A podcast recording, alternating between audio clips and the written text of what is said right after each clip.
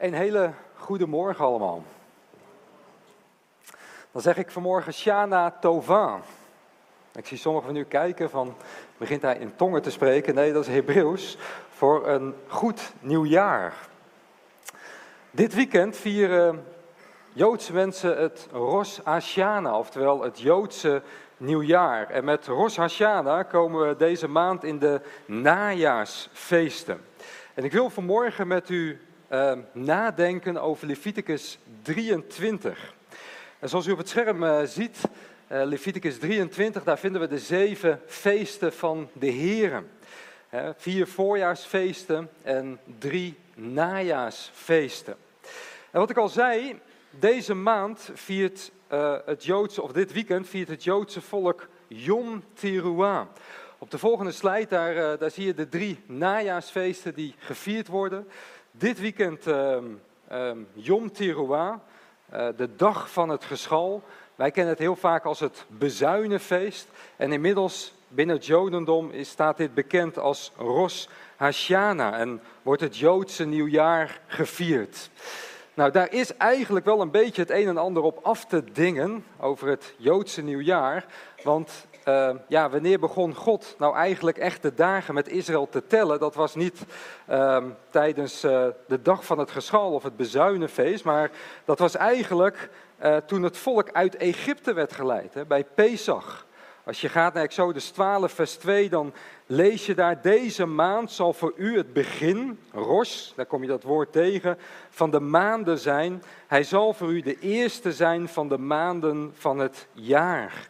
En later in de traditie binnen het Jodendom is dat eigenlijk, uh, ja, staat inmiddels Rosh Hashanah bekend als het Joodse nieuwjaar. Afijn, tien dagen later heb je Yom Kippur, oftewel grote verzoendag. En die dagen tussen Rosh Hashanah en Yom Kippur, die worden ook wel de tien onzagwekkende dagen genoemd. Ook dat is van latere traditie. Maar binnen deze tien dagen um, ja, maken met name religieuze Joden de balans op tussen alle goede en slechte daden die zij ja, in dat jaar hebben gedaan. En ze hopen dan geschreven te worden in het boek des levens. Nou, u kunt zich wel voorstellen dat ja, komende tien dagen voor Joodse mensen, vooral voor religieuze Joden, enorm emotionele dagen zijn. Word ik wel of word ik niet geschreven in het boek des levens? Vorig jaar zijn we als Stichting Israël de Bijbel uitgekomen met tien dagen bidden, juist deze dagen bidden voor het Joodse volk, in bijzonder voor de Garedim. En ik zou u ook en jou ook willen oproepen van neem zo'n gebedsboekje na afloop ook mee en laten we met elkaar bidden deze dagen voor het Joodse volk. Want wat is het erg als je niet weet of je geschreven bent in het boek des levens. En wat is het geweldig voor je als Jood als je ontdekt dat Jezus de Messias is. dat Hij de weg heeft vrijgemaakt naar de Vader. En dat je mag weten dat je ja, gekocht en betaald bent door het bloed van het lam. Dat je mag weten, ik sta geschreven in het boek des levens en niets kan mij misscheiden van de liefde welke is in en door de Heer Jezus Christus, de Messias van Israël. Yom Kippur, vijf dagen daarna heb je Sukkot, oftewel het Loofhuttenfeest. En dat duurt acht dagen lang. Bij ons valt dat dit jaar op 29 september tot 6 oktober. Nou, nogmaals, ik wil vanmorgen met u stilstaan bij de feesten van de Heren. Dus ik wil stilstaan bij alle feesten. Nou kan ik u zeggen dat dat vanmorgen in een half uur tijd een enorme uitdaging is. Dus ik hoop dat u vanmorgen een klein beetje geduld heeft met mij. En ik hoop dat u het goed vindt dat ik ietsjes langer spreek om al die feesten langs te gaan in vogelvlucht. Als u het er niet mee eens bent, ik begrijp op het nieuwe podium dat uh, hier ook een luik zit. Dus ik zou zeggen, haal hem op een gegeven moment gewoon over die hendel. Ja? Laten we het inleiden met elkaar lezen Leviticus 23. Leviticus 23 en daarvan lezen we de eerste paar versen met elkaar. Leviticus 23. En ik lees vanuit de herziene statenvertaling. En dan lezen we het volgende. De Heere sprak tot Mozes Spreek tot de Israëlieten en zeg tegen hen: De feestdagen van de Heere die u moet uitroepen, zijn heilige samenkomsten. En dit zijn mijn feestdagen. Zes dagen mag er werk verricht worden, maar op de zevende dag is het Sabbat, een dag van volledige rust, een heilige samenkomst.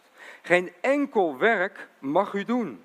Het is in al uw woongebied, gebieden, een Sabbat voor de Heeren. En dit zijn de feestdagen van de Heeren, de heilige samenkomsten die u op hun vastgestelde tijd moet uitroepen. In de eerste van de maand, op de veertiende van de maand, tegen het vallen van de avond is het Pascha voor de Heeren. Nou, dat gaat dat hoofdstuk zo door met al deze feesten. Zeven feesten. Ja, nogmaals, zeven feesten. Sommigen spreken over acht feesten. Die rekenen de Sabbat daarbij. Um, ik heb het eigenlijk over zeven feesten. Ik denk dat de Sabbat in die zin niet echt gerekend hoeft te worden voor, tot de feesten. Maar als u zegt van nee, er zijn acht feesten, ook prima. um, het hoofdstuk begint ermee, dus het is wel um, ja, een belangrijk onderdeel. Nou, het eerste wat we zien in vers 2, op de volgende slide, is um, ja, dat de Heer spreekt van de feestdagen van de Heer. In het Hebreeuws staat hier het woord Moadim. En dat is afgeleid van het werkwoord Ja'at. En dat betekent een vaste of een plaats of een tijd aanwijzen of het elkaar ontmoeten op de afgesproken tijd, op de afgesproken plaats. Dat is wat dat woord Moedim wil zeggen. De eerste keer als je teruggaat in de Bijbel waar je dit woord tegenkomt, dan kom je terecht in Genesis 1, waar we kunnen lezen over de schepping. En daar zegt de Heer dan, hè, dan maakt hij lichten aan het hemelgewelf om scheiding te maken tussen dag en de nacht. En laten zij tot tekenen en tot een aanduiding van vaste tijden en van dagen en jaren. En dat woord vaste tijden, dat is het woord Moadim. God brengt vaste tijden aan. Hij brengt orde, hij brengt structuur in de schepping. En zo is het eigenlijk ook met de feesten. Het zijn afspraken die de Heere maakt met zijn volk Israël. God brengt orde. Hij brengt structuur in het leven van de Israëlieten door in een jaar vaste momenten te prikken waarop de Heere zijn volk wil ontmoeten tijdens deze feesten. En ik denk dat daarin vanmorgen ook een geweldige les voor ons ligt. We staan aan het begin van een nieuw jaar. De scholen zijn weer begonnen. We hebben net vakantie gehad. En de vraag van vanmorgen is ook van ja, hoe zit het met onze agenda's voor komend jaar? Heeft God al afspraken met ons kunnen maken? Maak je vaste momenten in een week vrij om Hem te ontmoeten. Zo enorm belangrijk. Als je ja, je niet houdt aan Gods afspraken, als je niet in de week Hem ontmoet, geen tijd in Hem investeert, dan kan het zomaar zijn dat je geestelijk leven langzamerhand uitdooft. Dat je geestelijk gezien minder alert wordt. Dat als het ware Egypte de wereld weer grip krijgt op je leven. En dat het geestelijk gezien steeds minder feest wordt in je leven. Ik vond het zo mooi wat een van de jongeren net hier zei. Het is zo belangrijk dat we elkaar ontmoeten, dat we ja, elkaar tegenkomen, ook gedurende deze weken, dit jaar. Dat we elkaar ontmoeten en dat we ja, vrije tijd maken in onze agenda's om God te ontmoeten. Nou, die feesten, zoals je ziet op het volgende beeld, die zijn heel duidelijk verbonden aan het volk Israël. Als je dat hoofdstuk doorleest, dan kun je eigenlijk voortdurend lezen dat de Heer zegt: spreek tot de Israëlieten. In het Hebreeuws staat daar de Benai Israël, oftewel de zonen van Israël. Spreek tot de zonen van Israël. Het hoofdstuk begint ermee, maar je ziet dat eigenlijk door heel dat hoofdstuk heen. In vers 1, vers 10, vers 24, vers 34, vers 44. Iedere keer wordt het Joodse volk aangesproken. Die feesten die zijn heel duidelijk verbonden aan het volk Israël. Het tweede wat we zien is dat die feesten heel duidelijk ook verbonden zijn aan het land Israël, waar die feesten gevierd werden. Heel veel van die feesten zijn oogstfeesten, die kunnen alleen maar gevierd worden in het land Canaan, in Israël. En bij heel veel feesten zie je ook ja, dat er offers gebracht moeten worden. Dat het volk ook drie keer per jaar naar Jeruzalem moet optrekken om ja, daar de feesten te vieren. Dus ze zijn ook heel duidelijk verbonden aan de stad Jeruzalem. En eigenlijk al die woorden, die horen bij elkaar. En in het midden zie je dat de Heere staat. Uiteindelijk draait het allemaal om Hem.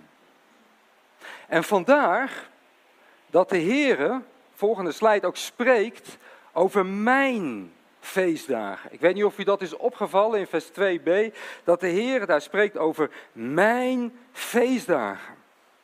Het waren niet feesten van het volk. Het waren niet feesten waar de Heer zegt, nou ja, weet je, kijk maar een beetje hoe je dat viert en ja, maak er zo'n beetje je eigen feestje van. Nee, de Heer had daarbij ook hele duidelijke voorschriften gegeven van hoe die feesten gevierd moesten worden. Het waren zijn feesten. En het verdrietige is dat als je de geschiedenis van Israël bekijkt, dat ze het op een gegeven moment niet meer zo nauw namen met die voorschriften van de Heer. En als je kijkt naar Jezaja 1, vers 14, dan spreekt de Heer, of dan zegt de Heer, die zegt dan tegen het volk, uw feestdagen haat ik met heel mijn ziel. Ze zijn mij tot last, ik ben moe om ze te dragen. Het waren niet langer meer mijn feestdagen, de feestdagen van de Heer. Maar de Heer zegt, het zijn uw feesten geworden en ik ben moe om ze te dragen, want jullie vieren ze eigenlijk niet meer op de manier zoals ik dat wil. Mijn naam wordt daardoor niet meer verheerlijkt. Dat is ook een belangrijke vraag voor ons vanmorgen. Hoe komen we bij elkaar? Hoe zijn onze samenkomsten ingevuld? Maken we er ons eigen feestje van? Of is in alles wat we doen, staat de Heer daarin centraal? Ook belangrijk voor mij als spreker, voor het muziekteam. Hoe sta je hier op het podium? Gaat het om de verheerlijking van Zijn naam? Of maken we ons eigen feestje ervan? Er valt heel veel over de feesten te zeggen. En nogmaals, vanmorgen gaan we daar in grote lijnen doorheen. Maar het eerste wat we zien zijn vier lagen die je in die feesten ziet terugkomen. Op het scherm zie je dat die eerste laag, dat is meer de historische betekenis. Die feesten die behoorden heel duidelijk bij het volk Israël. Ze passen helemaal bij het verbond wat God met hen had gesloten. Ieder feest had daarin zijn eigen onderdeel. Het waren belangrijke momenten van ontmoeting, van gemeenschap tussen de Heer en zijn volk Israël. Het tweede wat we bij die feesten zien, is dat ze verwijzen naar iets groters wat zou komen. Paulus die schrijft in Colossense 2, laat dus niemand u veroordelen in zaken eten of drinken, of op het punt van een feestdag, een nieuwe maan of sabbatten. Deze, dag, deze zaken zijn een schaduw van de toekomstige dingen, maar het lichaam is van Christus. Andere vertalingen hebben, de werkelijkheid is Christus. Het zijn schaduwbeelden van toekomende dingen. Dus toen de feesten door de Heren werden ingesteld, toen verwezen ze eigenlijk meteen naar iets veel groters, iets veel belangrijkers wat zou komen, namelijk de Messias van Israël, de Heer Jezus Christus. En daarom als we ons bezighouden met de feesten van de Here, dan is het zo belangrijk om nooit bij de schaduw te blijven, maar altijd naar de werkelijkheid te gaan. Ze te bestuderen in het licht en het werk van de Heer Jezus Christus. Nou, het derde wat we zien, is dat die feesten ons ook iets vertellen over Gods grote plan. We zien daarin de helsgeschiedenis. En dan met name, zo zullen we vanmorgen ook met elkaar zien, vanuit Israël bekeken. Nogmaals, die feesten die had God heel gericht gegeven aan zijn volk Israël. En we zullen vanmorgen zien dat die feesten enerzijds vervuld zijn in de Heer Jezus Christus, maar dat ze tegelijkertijd ook nog een profetische betekenis hebben voor Israël als volk. En het vierde is dat er in die feesten ook nog geweldige lessen liggen voor ons persoonlijk geestelijk leven. En we zullen vanmorgen met elkaar zien, in het bijzonder ook bij de verschillende fasen die je als christen moet doorlopen. Ik kom daar aan het einde nog op terug. Zeven feesten. Nogmaals, op het scherm zie je ze. Vier voorjaarsfeesten, drie najaarsfeesten. En drie feesten heb ik vet gedrukt gestaan. Dat waren feesten dat het volk moest optrekken massaal naar Jeruzalem. Pesach, het Wekenfeest en het Loofhuttenfeest. Nou, laten we eens eens langs gaan in vogelvlucht. En ze eens in historisch en profetisch perspectief langslopen. Zoals ik al zei, het begint, dit hoofdstuk, met de Sabbat. En eigenlijk zie je dat die Sabbat al ligt opgesloten in de scheppingsdagen. De Heere, hij rustte op de zevende dag.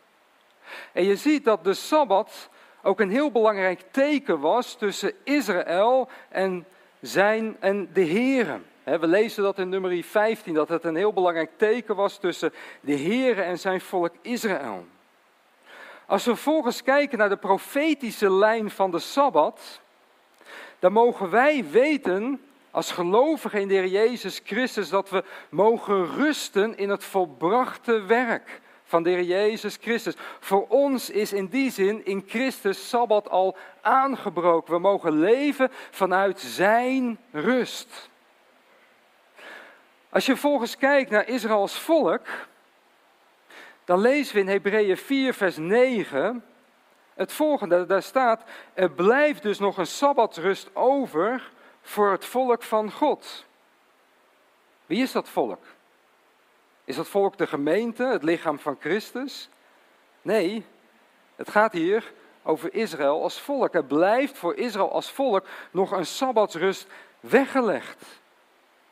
Wanneer breekt dan die sabbatsrust voor Israël aan? Is dat nu? Nee, als je kijkt naar Israël, is het een en al onrust in het land. Interne verdeeldheid. Het volk is omringd door alleen maar volken die ja, heel antisemitisch zijn, die Israël van de kaart willen vegen. Die Sabbatsrust breekt aan, broeders en zusters, op het moment dat Israël als volk haar Messias gaat aanvaarden, de Heer Jezus Christus. Dan zullen deze woorden uit de Hebreeënbrief werkelijkheid worden. Dan zal de Heer zijn volk ook die Sabbatsrust inbrengen. Dan zal de Heer vanuit Jeruzalem zijn koninkrijk op deze aarde gaan vestigen. En zal het werkelijk rust en vrede zijn voor Israël als volk. Nou, vervolgens de eerste feest die we tegenkomen op de kalender, dat is Pesach. En Pesach, daar dacht het volk aan de geweldige verlossing uit Egypte. Op de veertiende van de maand Nissan moest men een lam slachten. En men moest dan dat bloed strijken op de beide deurposten en de bovendorpen. Het volk werd verlost van Egypte. En ze moesten niet zomaar een lam kiezen, nee, ze moesten een lam kiezen zonder enig gebrek. Dus het was niet zo dat je als Israëliet even naar je kudde kon gaan en denkt, nou, dat lammetje dat heeft een gebroken pootje en dat is een beetje kreupel. Laat ik dat maar kiezen, dan ben ik ook maar gelijk vanaf. Nee, er moest een lam zijn zonder enig gebrek. Er mocht niks op aan te merken zijn. Dit brengt ons automatisch natuurlijk bij Jezaja 53. Waar we kunnen lezen over het lam van God wat geslacht wordt. De Jezus Christus. Hij was ook zonder enig gebrek. Hij was een volmaakt lam wat de Heere gaf. Hij was vanuit God. En hij kon die verlossing voor ons, maar ook voor zijn volk Israël tot stand brengen. Als volgens kijken profetisch gezien, ja, dan heeft Israël als volk als het ware nog niet dat lam aanvaard. Maar nogmaals, bij Exodus denkt het volk ook terug aan die geweldige verlossing uit Egypte. Ze gingen op weg naar Canaan. Ze gingen terug naar het beloofde land. En dat is wat de Bijbel ook leert. Dat we nu nog te maken hebben met een gedeeltelijke terugkeer van het Joodse volk naar het land. Maar als Israël straks als volk verlost wordt door het lam, ze aanvaarden de Heer Jezus Christus, ze roepen zijn naam aan, dan zal er vanuit deze wereld nog een enorme grote exodus op gang gaan komen.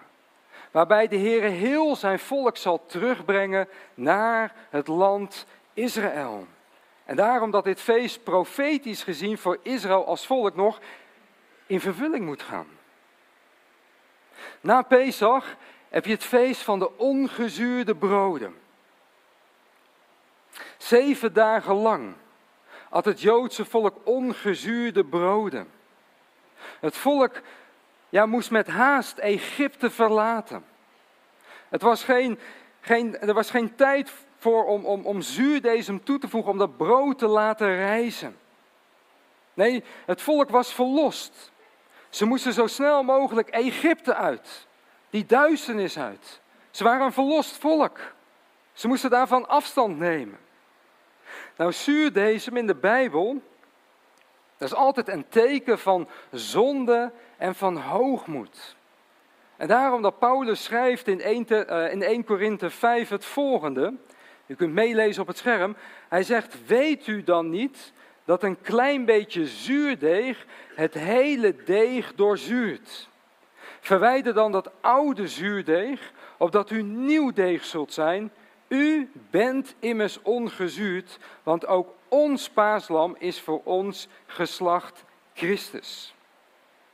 Kijk, we hebben bij Pesach gezien, het gaat om een onbevlekt lam. Er mocht niks op aan te merken zijn, het moest perfect zijn. En het feest van de ongezuurde broden bepaalt ons in de eerste plaats bij het feit dat Christus ongezuurd is. Hij was zonder zonde. In hem was geen zuurdesem, was geen zonde te vinden. En bijzondere vind ik dat Paulus schrijft in vers 7: U, als gemeente, als gelovige, bent immers ongezuurd. Lieve vrienden, ook wij zijn ongezuurd. En hoe kunnen wij nou ongezuurd zijn? Want wij zijn toch ook zondig van nature? Ja, in Christus zijn ook wij ongezuurd. En de Heere ziet ons in het lam, in de Heer Jezus Christus. En daarom dat, dat zuurdesem ook niet meer in ons leven past. Ook wij moeten net als Israël zo snel mogelijk deze wereld verlaten, Egypte verlaten. Wij moeten ons gedragen als een verlost volk. Daarbij hoort geen zuurdesem. Daarbij hoort die zonde niet meer. Daar moeten we mee breken. Dat geldt voor ons. Maar je ziet het al op het scherm, ook Israël als volk ja, zal op een gegeven moment ongezuurd zijn zonder zonde. En hoe kunnen ze als volk ongezuurd zijn? Nou, opnieuw, als ze het lam aanvaarden, de Heer Jezus Christus. En nogmaals, dat zal in de toekomst als volk gaan gebeuren. Dan zullen ze zijn naam gaan aanroepen. Dan zullen ze de Jezus Christus gaan aanvaarden. En Paulus die schrijft over dat moment in Romeinen 11 het volgende. Hij zegt dan, wat betekent, of eh, nee, sorry, hij zegt dan dat de Heer alle goddeloosheden van Jacob zal gaan afwentelen. Ook Israël zal ongezuurd worden, maar dat kan niet buiten haar Messias om. Na het feest van de ongezuurde broden kreeg je het volgende feest. Namelijk het feest van de eerstelingen. Wat houdt nou dit feest precies in, dat feest van de eerstelingen? Nou, wat ik al zei net, het waren eigenlijk ook oogstfeesten. En bij het feest van de eerstelingen, dan, dan pakte je als, als Jood, pakte je dan eigenlijk die eerste schroven, die eerste koren, die eerste opbrengst. En daarmee ging je vervolgens naar de priester toe. En de priester die, ja, die bewoog dan die eerste schroven, die eerste opbrengst als dankoffer voor de Heer. En daarmee toonde je als Israëliet ja, dat je dankbaar was dat de Heer ook dat jaar weer ja, voorzien had in een goede oogst. De priester die bewoog dan die eerste schoven als dankoffer voor de Heer. Nou, het feest van de eerstelingen, dat bepaalt ons profetisch gezien in de eerste plaats bij de opstanding van de Jezus Christus. Paulus die schrijft in 1 Korinthe 15 dat Christus als eersteling, als eerste schroven is opgestaan uit de dood. En dat is eigenlijk wat dit feest profetisch gezien wil zeggen. Dat Christus als eersteling is opgewekt uit de doden. Nou, als je 1 Korinthe 15 verder bestudeert, dan wordt je bepaald dat wij als gelovigen ook die geweldige hoop hebben. Dat we door de Heer Jezus Christus zijn levend gemaakt. Dat ook wij zullen opstaan uit de dood. Wij zullen met Christus opstaan. Een geweldige belofte die de Heer aan ons heeft gegeven. Maar het geweldige is dat ook Israël als volk straks vanuit hun dode positie in het leven zal komen. Kijk, als je vandaag kijkt naar Israël, dan zie je dat die haat richting het Joodse volk steeds meer toeneemt. Het volk komt steeds meer alleen te staan. En de Bijbel leert dat er nog een moment zal komen dat ze als volk in een grote benauwdheid terecht zullen komen. En dat ze vanuit die benauwdheid de Here zullen gaan aanroepen. En weet je wat Paulus schrijft over dat moment? Hij zegt dan over Israël als volk, wat betekent hun aanneming dan anders dan leven uit de doden? Dus ook Israël als volk zal vanuit hun dode positie, zullen zij in dat leven komen. Er liggen nog geweldige beloften voor dat volk en dat land weggelegd.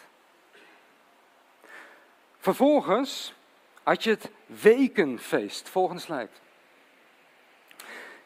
Vanaf het feest van de eerstelingen, waar we het net over hadden, waar je die eerste schoven naar binnen moest halen en moest brengen naar de priester, vanaf dat moment begon Israël te tellen. Zeven weken, zeven keer zeven, 49 dagen. En op het vijftigste dag dan had je het Pinksterfeest. Wat deed je dan? Van de opbrengst die je op dat moment had van de oogst, maakte je twee Pinksterbroden. Dus van bij de eerstelingen, van die eerste oogst, mocht je nog geen koek of brood bakken. Die eerste schoven waren voor de heren.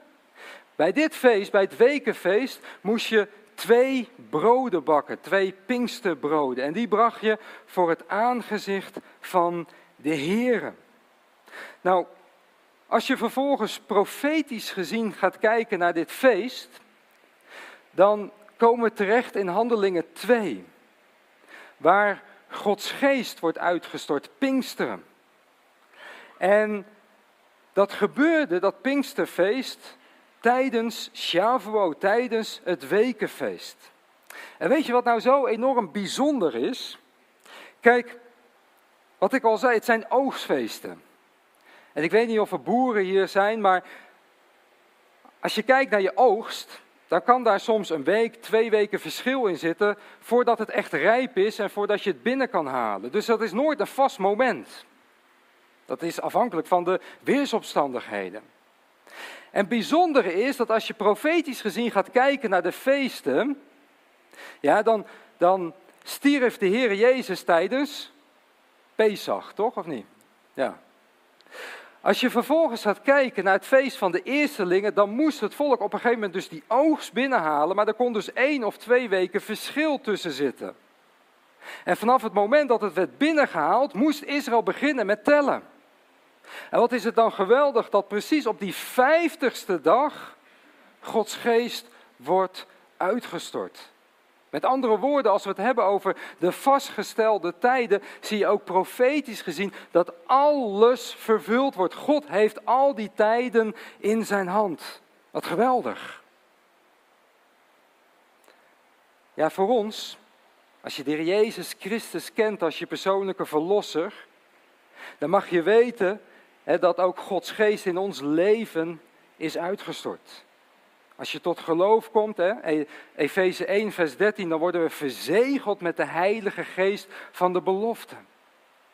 Maar voor Israël als volk zal er nog een moment komen dat de Heer opnieuw handelingen 2 laat gebeuren. Dat Gods geest over dat volk wordt uitgestort.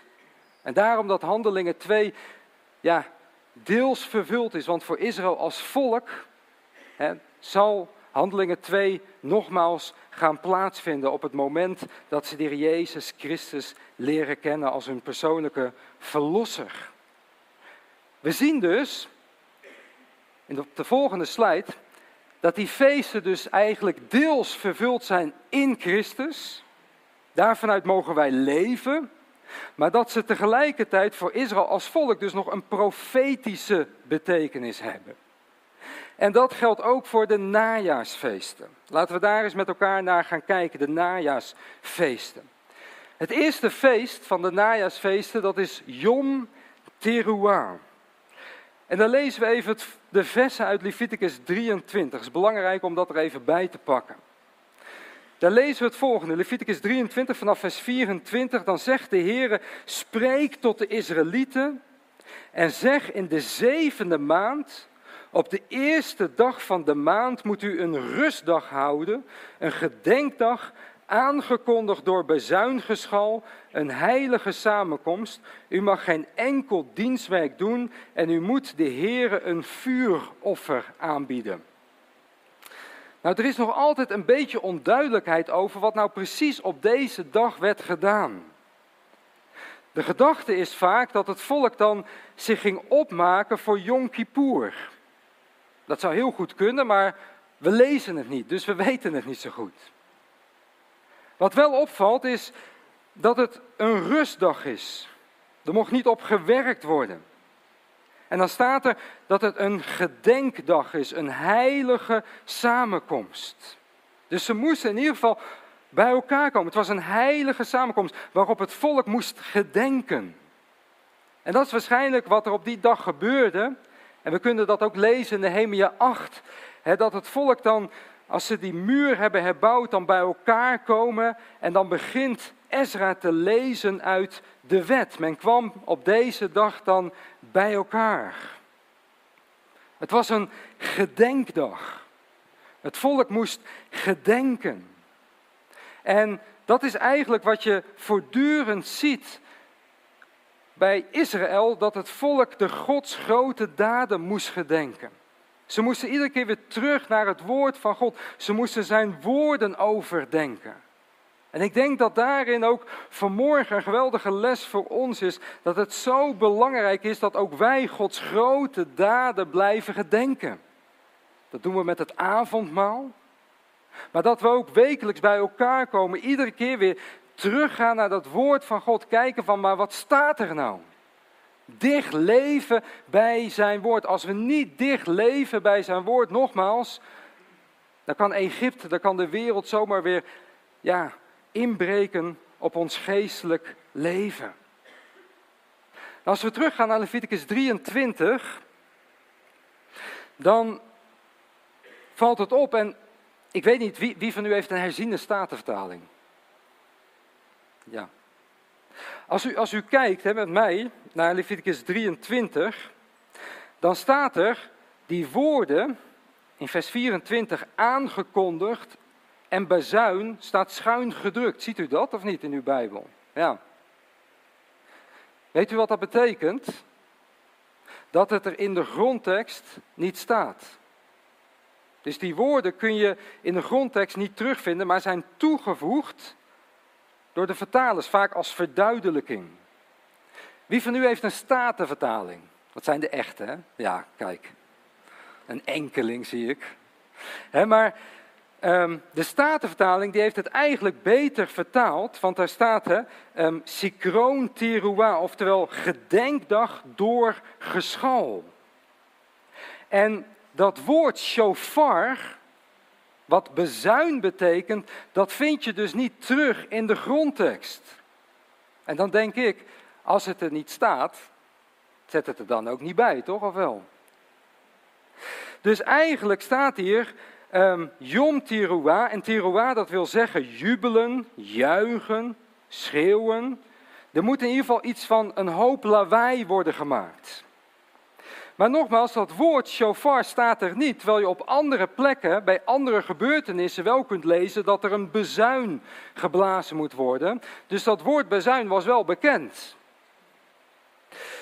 Wat je ook ziet is dat ehm, Israël twee trompetten moest maken. En twee trompetten, als je het vraagt aan het muziekteam, dat is echt iets anders dan een shofar. En die trompetten die moesten onder andere geblazen worden op de eerste van iedere maand. Moesten die twee trompetten geblazen worden. Je leest daarover in nummer 10. Maar nogmaals, als je teruggaat dus naar de grondtekst, dan kom je nergens in de Torah tegen dat het Joodse volk op de shofar moest blazen tijdens dit feest. Later in de geschiedenis zie je op een gegeven moment dat men de shofar is gaan blazen. En ook vandaag de dag op Rosh Hashanah blaast men de shofar. U denkt, wat doe je nou moeilijk?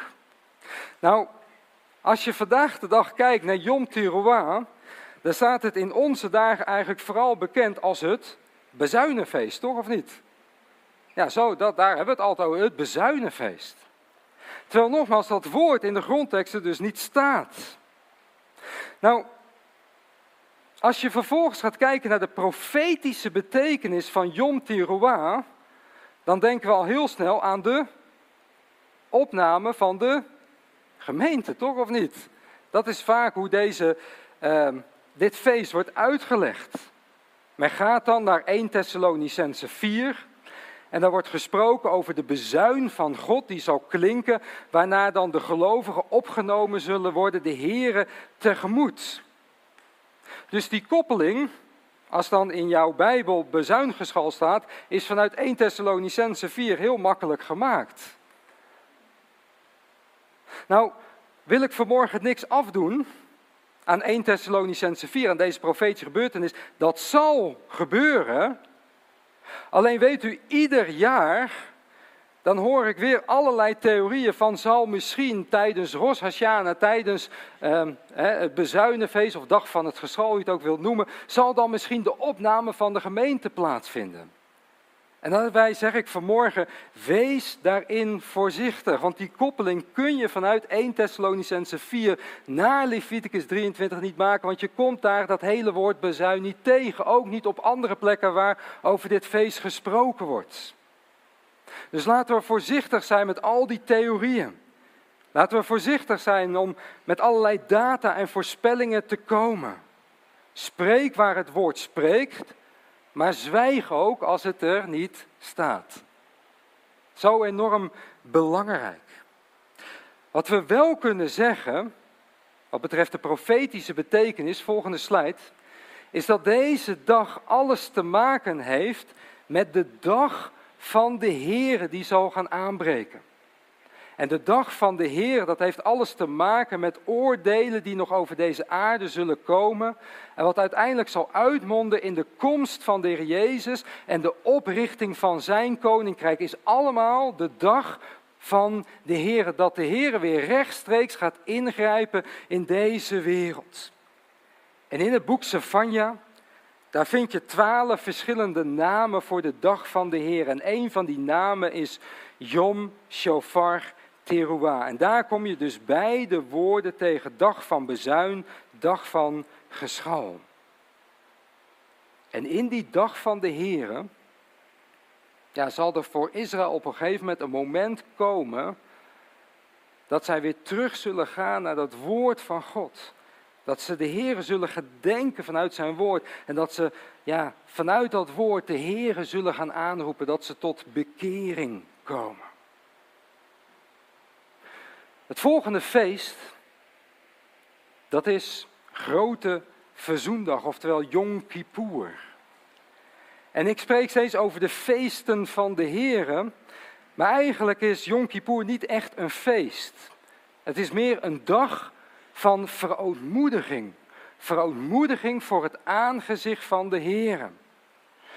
En verootmoediging, dat wil zeggen dat je op die dag eigenlijk klein werd voor de Heer. Je werd bepaald bij je zondige staat. Het woord kippur, dat komt van het Hebreeuwse woord kafar en dat betekent bedekken. Op die dag werden de zonden van het volk bedekt. En wat is het geweldig als je de Jezus Christus mag kennen als je persoonlijke verlosser. Want de Heer Jezus, Hij heeft niet tijdelijk onze zonde bedekt. Nee, in Johannes 1, vers 29, daar kunnen we lezen, zie het lam van God dat de zonde van de wereld wegneemt. De Heer Jezus, Hij heeft voor eens en voor altijd dat zondeprobleem opgelost en Hij heeft daar een eeuwige verlossing tot stand gebracht. Nou, voor degenen die, volgende slide, in Christus zijn, ja, die mogen weten dat die eeuwige verlossing tot stand is gebracht. Voor ons is in die zin Yom Kippur verleden tijd. We mogen weten dat de Jezus als hoge priester de hemel is doorgegaan. Dat hij momenteel zit aan de rechterhand van God. Hij staat niet, nee, hij zit. En zitten, dat wil zeggen dat hij zich in ruststand begeeft. Het werk is volbracht. Maar weet u, er zal een moment komen dat de Heer Jezus niet zal gaan zitten, maar dat hij zal gaan staan. En dat hij weer zal terugkeren naar deze aarde.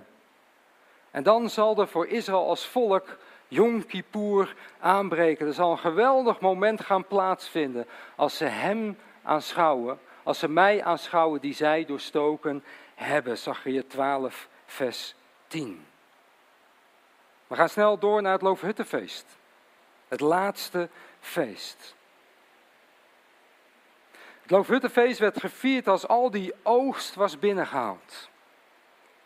En nogmaals, je, je toonde daarin iedere keer die dankbaarheid aan de Heer. Hij had voorzien. Het volk was afhankelijk ook van de hemel, van de regen. Dus de Heer die moest ook zorgen dat er op tijd het volk of eh, het land ook regen kreeg, zodat dat de oogst zou opkomen. Ze waren afhankelijk van de zegen van de Heer. Hij gaf de goede oogst. En bij het Loofhuttenfeest zie je eigenlijk twee kenmerken. Aan de ene kant zie je dat de nadruk ligt op blijdschap. Het volk moest zich een week lang verblijden, zeven dagen lang.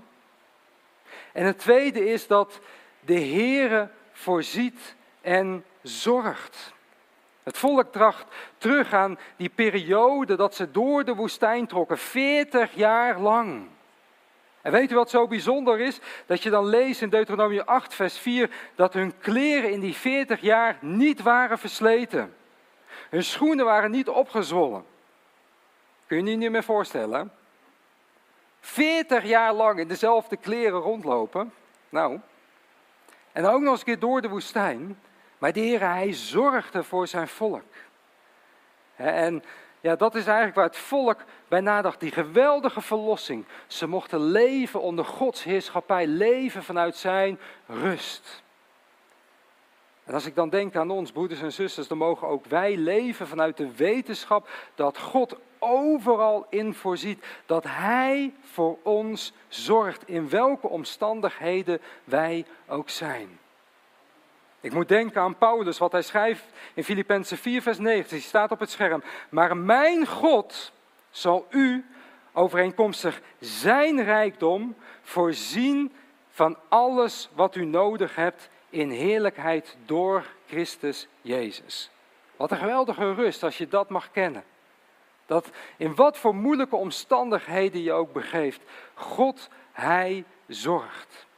Hij is erbij. Nou, het bijzondere is, volgende slide, dat profetisch gezien ook het Loofhuttenfeest straks in dat Messiaanse Rijk nog ook een plek zal krijgen. Als de Jezus Christus zal terugkeren naar deze aarde. Dan lezen we in Zachariah 14, vers 9 dat de Heer koning zal zijn over heel de aarde.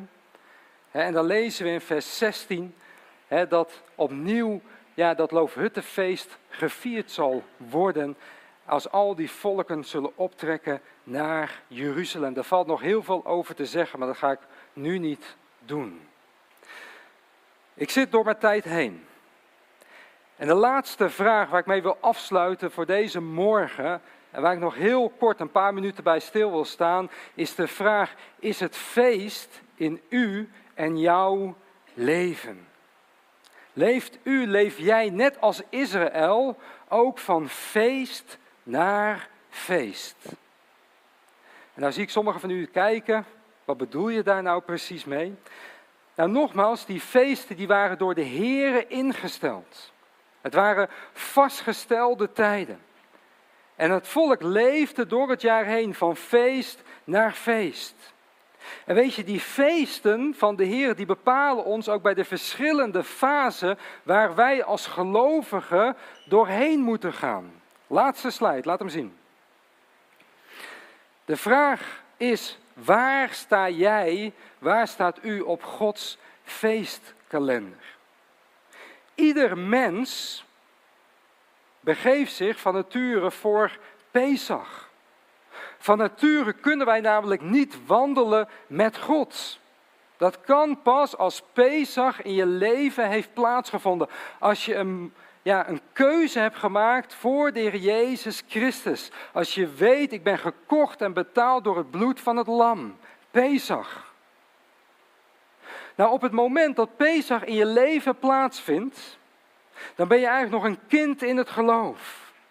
En vaak als Pesach in je leven plaatsvindt, dan word je extra bepaald bij die zonde in je leven. Bij zuurdesem, het feest van de ongezuurde broden. En we mogen aan de ene kant weten dat we als gelovigen ongezuurd zijn in de Jezus Christus. Maar tegelijkertijd moeten we ook nog dealen ja, met die zondige natuur in ons. Het is belangrijk dat als je tot geloof komt, dat je vlucht vanuit dat wereldse leven, vanuit Egypte. Dat je Egypte verlaat. Als je niet breekt met deze wereld, als Pesach in je leven heeft plaatsgevonden, dan kan het zomaar zijn dat Egypte weer aan je gaat trekken. Dat je weer valt. Waarom? Je bent nog een kind in het geloof. Je moet nog geestelijk groeien. Dat vlees, dat kan je enorm naar beneden trekken. En dat is wat Paulus ook zegt in Romeinen 7. Ik ellendig mens, wie kan mij verlossen uit het lichaam van deze dood? Ik dank God door Jezus Christus onze Heer. Eigenlijk word je iedere keer weer teruggeworpen op Christus. Op dat land, bij Hem moet je zijn. Je bent verlost. Je moet daar vanuit gaan leven, gaan wandelen. Egypte verlaten. Maar ook als je verderop in je geloofsleven komt. Je bent al jarenlang christen.